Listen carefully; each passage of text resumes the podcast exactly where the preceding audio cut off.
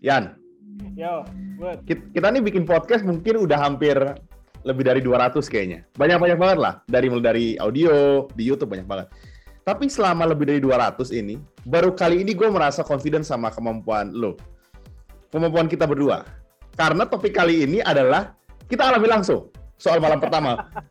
Soalnya gini, teman-teman perlu tahu, kalau Adrian ngomong topik soal kesehatan, gue partnernya aja nggak terlalu yakin sebenarnya. Maksudnya gue kayaknya kalau dia ngomong, gue cross check lagi abis ini sebenarnya. Kalau bener, baru naik episodenya. Nah kalau ini, gue nggak perlu cross check. Ini gue yakin banget kita bisa bawa dengan baik, betul kan? Eh, berarti gue adalah dokter yang berhasil. Uh, selain bisa memberikan, gue bisa mengajak orang buat belajar lagi. Ini awalnya benar, tapi kan cara yang salah sebetulnya. Oke, Bud. Hmm. Apa nih topik kita kali ini? Kayaknya lu udah semangat banget nih. Lu udah nggak sabar Jadi, banget jadi topik kita kali ini adalah ngomongin soal malam pertama. Nah, karena kita berdua udah merit, asik nih. Kalau dulu ada yang udah merit, so tahu dia. Dulu kita pernah bahas, tapi dia so tahu dia. Karena dia nggak tahu kan keadaan sebenarnya kan. Nah, sekarang kan udah terjadi. Nah, apalagi gue udah punya butuh satu kan. Jadi gue bisa menceritakan semua seluput tentang malam pertama. Jadi topik ini kita dedikasikan khusus untuk para jomblo yang soon to be married. Yeah, nah, tapi buat sobat hati yang mungkin sudah pernah punya pengalaman juga dan merasa related dengan topik kita, boleh tinggalin komen aja di bawah. Nanti akan kita bahas. Oke, okay. uh, eh, kita akan bahas satu-satu. Kita punya empat empat uh, sub bukan empat subtopik, empat pilihan yang kita angkat dengan menurut kita ini adalah mitos-mitos yang paling banyak orang tanya. Tapi kalau tadi perjalanannya kita muncul banyak ide-ide baru, kita akan sounding. Tapi kita punya empat uh, poin besar yang akan kita bahas hari ini. Yang keempat dulu ya, dari yang nomor empat. Malam pertama itu, kalau tidak berdarah tandanya tidak perawan. Nah, ini sebelum gue tanya lu, ini gue, gue bantah dulu sebetulnya. Karena gue selama malam pertama, gue aja nggak pernah berdarah sih. Selama malam-malam berikutnya juga gue nggak pernah berdarah.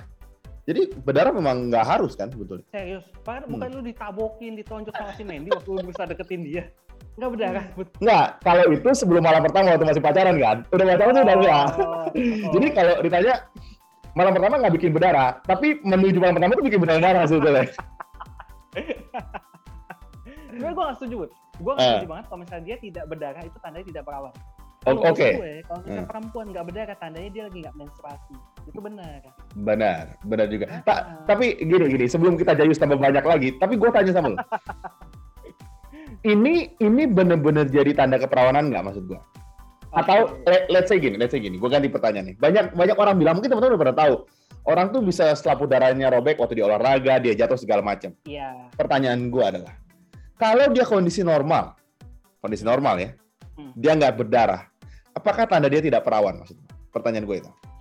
Oke, nah sekarang kita ngebahas gini, Bu hmm. uh, selaput darah itu untuk setiap orang tuh beda-beda. Untuk setiap wanita itu beda-beda kondisinya. Ada yang elastis, ada yang rapuh, ya kan. Hmm. Tadi udah disebut sama Budi bahwa bisa aja misalnya karena olahraga, bisa aja mungkin karena senam, karena aktivitas yang lain yang menyebabkan jadi uh, apa namanya selaput darahnya sudah sobek duluan. Hmm. Tapi bukan berarti bahwa perempuan itu langsung statusnya adalah sudah pernah melakukan hubungan seksual. Okay. Karena bukan cuma hubungan seksual doang yang bisa ngobek selaput darah. Itu. Hmm, I see. Terus? Masalah perdarahan, perdarahan itu kan sebenarnya juga ini kita tuh nggak bicara tentang hubungan seks pada malam pertama itu bukan seperti uh, mukul pinata ya, yang kalau misalnya dipukul pecah keluar hadiah. Ya, ya, ya, ya. ya, ini beda gitu. Nah, darah itu biasa terjadi karena gesekan yang terjadi karena uh, apa namanya uh, per, uh, cairan vaginanya itu masih kurang keluar. Hmm. I see. Kurang, kalau istilahnya kayak gitu. Ya, yeah, ya. Yeah. Nah, makanya jadi pada beberapa orang nih, contohnya misalnya ya, ternyata mereka punya hubungan emosional yang dalam, wanitanya nyaman, ya kan, sehingga otomatis lubrikasinya banyak. Ya nggak harus terjadi perdarahan, walaupun dia perawan. I see. Eh, sorry, sorry, walaupun saput darah utuh, sorry. Hmm. Nah, itu. Tapi bisa aja nih, contohnya misalnya uh, ternyata cowoknya agak menggebu-gebu gitu. Hmm. Enggak, enggak, enggak, enggak. Ceri ceritain aja pengalaman Novi berdarah pertama kali itu gimana. Kalau kan hubungan emosional itu tidak terlalu baik. Dan kalau mainnya juga kasar. Ceritanya pengalaman langsung. Maksud gue cerita aja, nggak apa-apa. Malam pertama gue tuh ceritanya keren banget, tuh. Selesai selesai gue kan kawinnya di hari minggu siang gitu kan selesai hmm. kawinan di minggu siang gitu kan kita pulang ke masing-masing tidur malamnya itu di kamar masing-masing gagal rumahnya belum siap jadi jadi tidak seindah yang orang-orang bilang gitu ya nah, tapi poinnya adalah banyak cara ya banyak alasan kenapa hmm. bisa terjadi perdarahan hmm. nah tapi jangan sampai keperawanan seorang wanita dikaitkan dengan hal itu. I see, oke, okay, make sense. Nah, Yan, uh, gua nih, gua nih penasaran sebetulnya. Uh, sebelum kita bahas poin-poin lain nih ya, hmm. di mata medis keperawanan tuh ada nggak? Maksud gue gini, di mata medis apakah uh, kita bisa bilang misalnya ya dokter memeriksa gitu, dia bilang oh ini udah nggak perawan nih, oh ini masih perawan nih. Maksud gue itu terbukti valid nggak atau itu cuma anggapan di masyarakat? Maksud gue. Terus pertanyaan gue kedua adalah banyak orang yang suka bilang mengembalikan keperawanan dengan operasi dan teman-teman. Secara medis tuh benar apa enggak gitu? Itu gue punya pertanyaan itu sih sebetulnya. Oke, kalau misalnya untuk masalah mengecek keperawanan sulit ya Bud ya. Kayak lagi uh, vagina itu kan adalah suatu otot yang sifatnya hmm. lentur gitu. Hmm. Dia akan kembali ke bentuk semula ini sama aja kayak lu nanya uh, karet gelang ini pernah ditarik melek atau enggak susah gitu. Oh iya iya iya. iya. tapi tapi pada pada beberapa tindakan kekerasan seksual ya pemerkosaan atau mungkin uh, apa namanya pencabulan. Nah itu kita bisa melihat tanda-tandanya. Kita bisa hmm. melihat tanda-tanda karah paksaannya, luka-luka okay. yang ada gitu. Dan bisa aja, uh, sorry ya, sorry itu saya misalnya, misalnya gini pada saat hubungan seksual ternyata lubrikasinya kurang sehingga meninggalkan luka. Yeah. Nah, itu langsung diperiksa oleh dokter ya, mungkin bisa kelihatan ada tanda-tanda bekas terjadi hubungan seksual. I see. Bisa. Tapi kalau misalnya lu kucuk-kucuk nih datang nanya, misalnya bawa istri misalnya bawa pacar gitu atau mungkin hmm. anak perempuan hmm. coba dites dong dok ini ini melawan nggak ya nggak bisa oke oke oke gitu.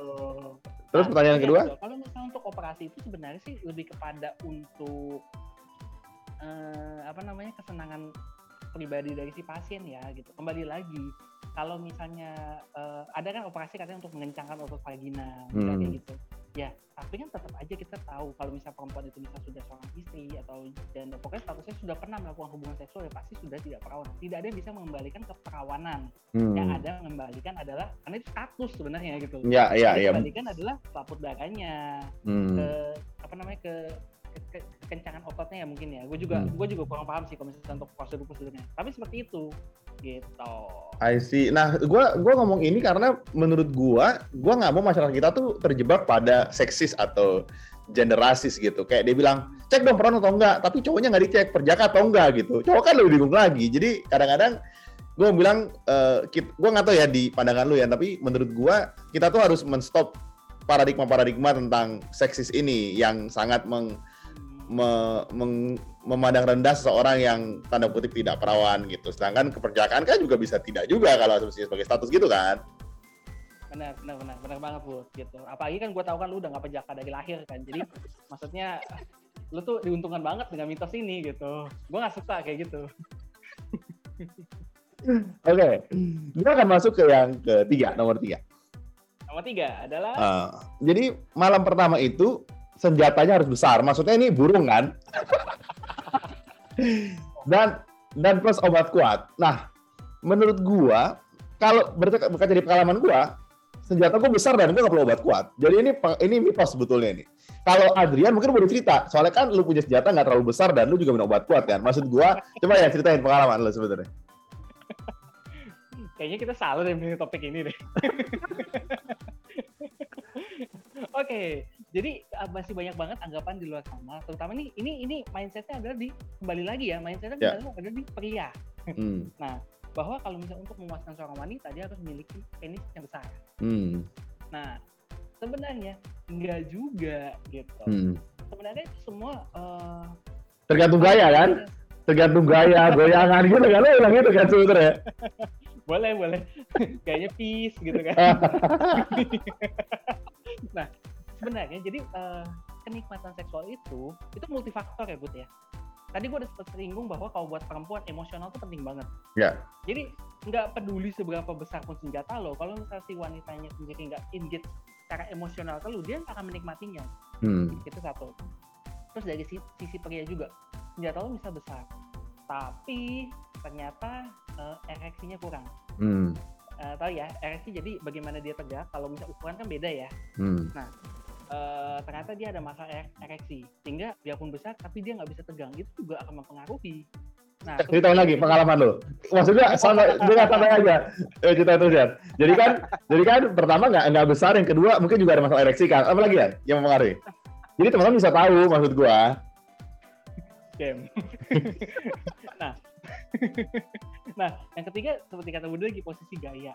Ya, hmm. kadang-kadang gaya juga mempengaruhi gitu. Ada beberapa pasangan yang prefer terhadap gaya A, ada yang prefer terhadap gaya B dan itu semua ya wajar gitu dan itu individu, individual tergantung dari bagaimana kesepakatan masing-masing para gitu. Nah, jadi poin harus digarisbawahin adalah jangan sampai anggapan seperti ini justru mempengaruhi pola pikir si pria yang menjadi minder. Hmm. Minder pada saat dia mau melakukan hubungan. Akhirnya dia larinya kepada obat kuat. Hmm. Karena dia merasa kayak gue kurang kayak lagi ya ukuran penis seorang pria itu selalu dikaitkan dengan kejantanan dia gitu padahal hmm. nggak juga gitu itu itu itu itu sesuatu yang uh, berbeda gitu nah hmm. karena dia minder dia cari pelariannya kepada obat kuat sebenarnya kalau misal lu pakai sebagai rekreasion rekreasional itu nggak masalah hmm. tapi yang dikhawatirkan adalah kalau psikis dan mindset lu udah kayaknya tanpa obat kuat gue nggak bisa nah itu akan menjadi masalah baru lagi buat lu para laki-laki I see. Nah, menyangkut nomor tiga ini, coba kasih tahu yang ukuran lu seberapa gede kalau lagi ereksi maksimal. Jadi teman-teman tahu kan? Jadi maksud Adrian kecil tuh seberapa gede? Coba yang kasih tahu ya.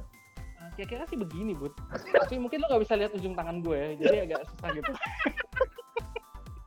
ini kasihan Novi emang pasti. Pasti membual ini suaminya. Dia pas lihat belakang ini membual nih kayaknya. Yan, tapi ta, ta, tapi gue gua tanya gini. Pernah ketemu kasus gak di medis bahwa memang ukuran penisnya kecil dan nggak bisa ereksi karena sebuah penyakit gitu. A ada nggak penyakitnya maksud gua? Ada. Eh, maksudnya kalau misalnya ukuran sekali lagi berarti ukuran dengan gangguan untuk ereksinya beda. Ini ini beda beda hmm. beda permasalahan gitu. Tapi kalau misalnya yang lu bilang nggak bisa ereksi, ya namanya ada namanya erectile dysfunction atau hmm. ED. Nah, hmm. itu juga termasuk masalah yang cukup banyak dialami kaum laki dan sekarang tuh tren pergeseran itu makin ke usia yang makin muda. Hmm. Kalau dulu ED itu selalu dikaitkan dengan karena orang laki-laki sudah tua, yeah, yeah, yeah. agak sulit ya untuk uh, bangun, istilahnya perlu hmm. waktu lebih lama hmm. dan segala macam. Tapi sekarang ini mulai merembet ke arah usia muda. Kenapa? Karena faktor stres biasanya. Oh, I see. lu, lu kalau boleh tahu lu stresnya kenapa sampai nggak bisa ereksi itu kenapa stresnya? Di kantor banyak masalah. Nggak maksudnya teman-teman tahu biasa stresnya. Oh lu, lu kan masih muda 31 tahun kan, 32 kan? Kenapa tuh ya? Stres ya biasanya? betul betul betul. Gue ambil topeng dulu ya sama yang buat ngacak suara itu. ya jadi jadi ya, semua itu terjadi karena. jadi jadi itu faktornya stres ya sebenarnya. Stres dan mungkin karena gangguan fisik, uh, gangguan kesehatan pada fisik juga bisa. Contohnya misalnya pada penderita diabetes, pada penderita obesitas itu juga mungkin biarpun usianya seharusnya tidak tua itu, tapi kalau misalnya memiliki masalah itu bisa aja gangguannya ke arah ID komplikasinya. I see. Berarti dengan kata lain, kondisi sakitnya tuh karena psikis ya? Bukan karena bawaan fisik maksud gue gitu. Banyak kejadian yang terima karena masalah psikis. Kan stres tuh psikis ya sebenarnya? Ya, kalau stres tuh psikis. Uh -uh. Gitu. Biasanya sih karena tekanan kerja ya, Bud ya. Lu pulang, hmm. ya lu bayangin aja misal kita kita yang tinggal di Jakarta ini kena macet berapa jam pulang pergi. Ya, ya, ya. Gitu, di, di kerjaan juga misalnya lu lembur, tekanan dari bos gitu kan. Pulang, Eh, macet-macet masih harus ngurus anak. Anak juga sebenarnya beberapa kali itu juga merupakan suatu faktor juga sih gitu. Mm-hmm. Bukan menyalahkan anak ya, tapi memang selalu memiliki anak itu kelihatannya akan lebih susah untuk mencari quality time bersama dengan istri, suami istri antara suami istri. Benar nggak, Bu? Uh, bener, tapi nggak apa-apa. Cerita lu nanti gua gua tampung lah. Kalau mau cerita langsung lebih dalam, kita bisa bikin sesi curhat. Kita bikin grup bareng antara Adrian yang menderita ID dengan teman-teman lain. Kita bisa bikin grup chat nanti. Nanti gue bikinin link ya di bawah. Boleh Telegram, boleh grup WhatsApp ya, Yan ya. Enggak, nanti tolong kasih tahu si Mandy buat nonton acara ini. Jadi dia bisa kasih tahu alasan yang jelas gitu kalau mau nolak lu gitu. Iya nih, Beb, aku macet gitu. Iya, Beb, ada anak gitu. Jadi biar alasannya tidak menyakiti hati suaminya gitu kan maksudnya kan. Oke. Okay. Nomor dua. Kita yang nomor dua. Nomor dua ini selalu menyakitkan.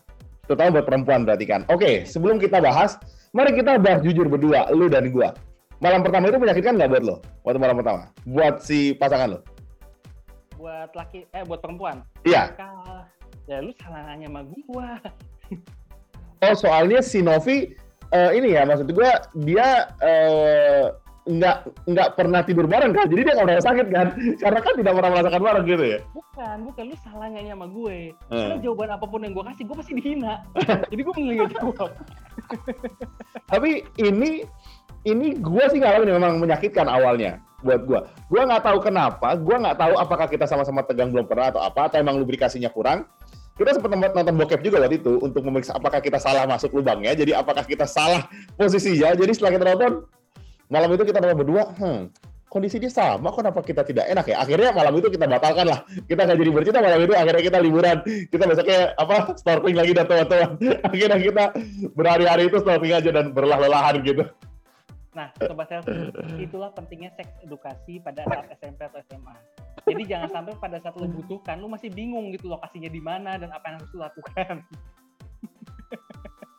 Kadang-kadang kadang-kadang gini ya, kalau seks edukasi di masa SMA itu, kita berasumsi itu bukan seks edukasi, tapi itu adalah uh, sedikit keindahan seks yang dikeluarkan perlahan-lahan gitu. Jadi bukan, kita mikirnya udah bukan education itu mana bagian serunya mana seru jadi aku nggak konsen kayaknya itu sebetulnya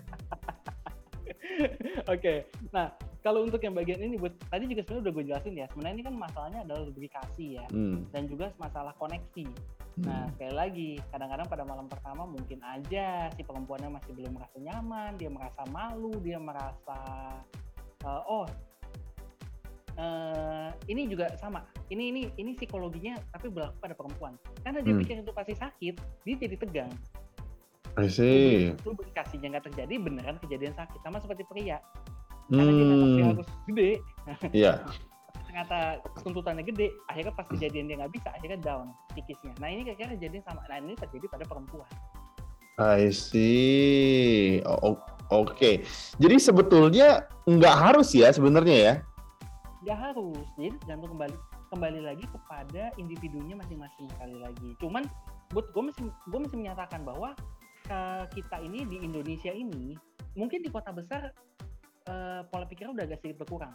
Tapi okay. bisa di daerah-daerah uh, daerah-daerah lain terutama misalnya di luar Jawa ya lu mesti tahu bahwa anggapan uh, sobat satu yang punya pengalaman boleh nih di share di komen ini. Bahwa kalau yang gue temukan adalah perempuan itu masih menganggap bahwa dia adalah akses objek mm-hmm. objek betul jadi uh, kepuasan seks itu semata hanyalah untuk suaminya mm. jadi yang penting gua ya buat buat perempuan gua hadir gua ada mm. gua buka ya udah dia selesai ya udah gue mm. selesai gitu dan mm. itu sendiri menambah mindset dan, dan itu sendiri bikin lubrikasi buat wanita juga makin susah gitu karena dia mm. pada dasarnya biasanya tidak menikmati seksnya gitu. Mm.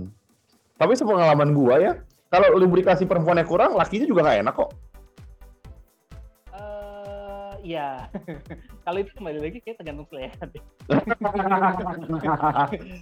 Oke. Okay. Bukan, bukan ini apa namanya? Kita nggak bisa bilang seperti itu. Tapi memang secara secara umum ya harusnya kalau misal lubrikasi kurang pasti kan keset ya dan hmm. itu nggak akan nyaman untuk dua orang sebenarnya gitu. Hmm. Cuma kan kalau laki kan yang penting kan wah maju terus pantang mundur kan kan gitu sebenernya. Jadi itu bikin uh, dia dia tidak merasakan apa-apa ha? Kalau dalam hal ini nggak mungkin maju terus pantang mundur. Oh kan harus maju juga. Betul harus maju mundur maju mundur kan. Oke oke. Eh, nah uh, kalau misal buat gue ya, gue, gue pribadi gue menawarkan solusi uh, yaitu ya ada sekarang itu kan lubrikan buatan. Ya. Nah, yang bisa digunakan untuk membantu wanita dan sebenarnya nggak ada salahnya sama sekali kalau misalnya lu mau mencoba untuk menggunakan itu. Hmm. Gitu. Jadi uh, bahkan untuk pasangan suami istri yang misalnya udah berpengalaman, ya udah lama pernikahannya, kadang-kadang lubrikannya juga tetap dibutuhkan gitu karena mungkin masalahnya perempuannya punya masalah lubrikasi atau ya itu tadi kadang-kadang waktu untuk foreplaynya kurang, memang nggak punya waktu untuk foreplay gitu sehingga hmm. lubrikan itu bisa dipakai. Jadi uh, jangan sekali lagi ini tabu nih. Banyak orang menganggap kalau misalnya beli barang-barang seperti itu beli kondom, beli lubrikan hmm. itu adalah hal yang tabu. Hmm. Nah, hapus anggapan itu. Karena itu bisa digunakan sebagai alat bantu yang ngebantu kita. Gitu. Maksudnya nggak usah tahu Adrian aja pakai kok. Karena kan dia punyanya kecil. Jadi kan dia mesti beli dildo dan teman-teman alat bantu seks kan sebetulnya. Nggak usah lah aja nggak malu kan. Lu punya berapa gede ukurannya?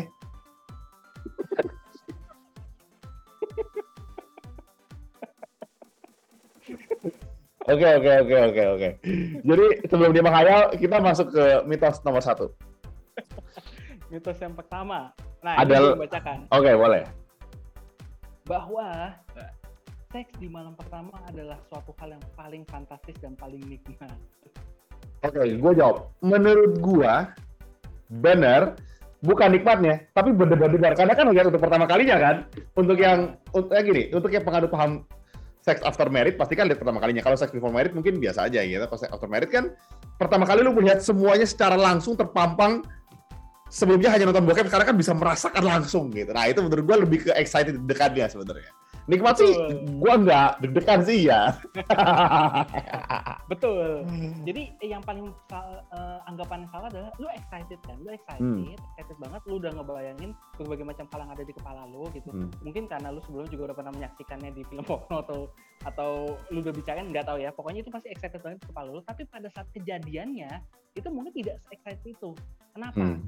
Satu, buat orang yang mengalami malam pertama setelah dia mengadakan pesta perkawinan, buat yang nggak tahu ya pesta perkawinan itu capek banget. Betul. ya, ada beberapa orang yang memang malah memutuskan untuk menunda mm-hmm. malam pertamanya karena mereka merasa ini bukan saat momen yang tepat nih, gitu. Mm. Terus yang kedua, terlalu excited buat pria itu berbahaya loh. Hmm. Jadi, jadi yang terjadi durasinya terlalu pendek atau yang yeah. kadang-kadang ejakulasi dini. Jadi karena saking excitednya, mungkin belum apa-apa udah selesai yeah. gitu. Dan itu bisa membawa kekecewaan bagi kedua belah pihak. Terus yang ketiga yang tadi gue udah bilang koneksinya gitu. Koneksinya itu kadang-kadang masih belum ada, masih malu-malu, masih hmm.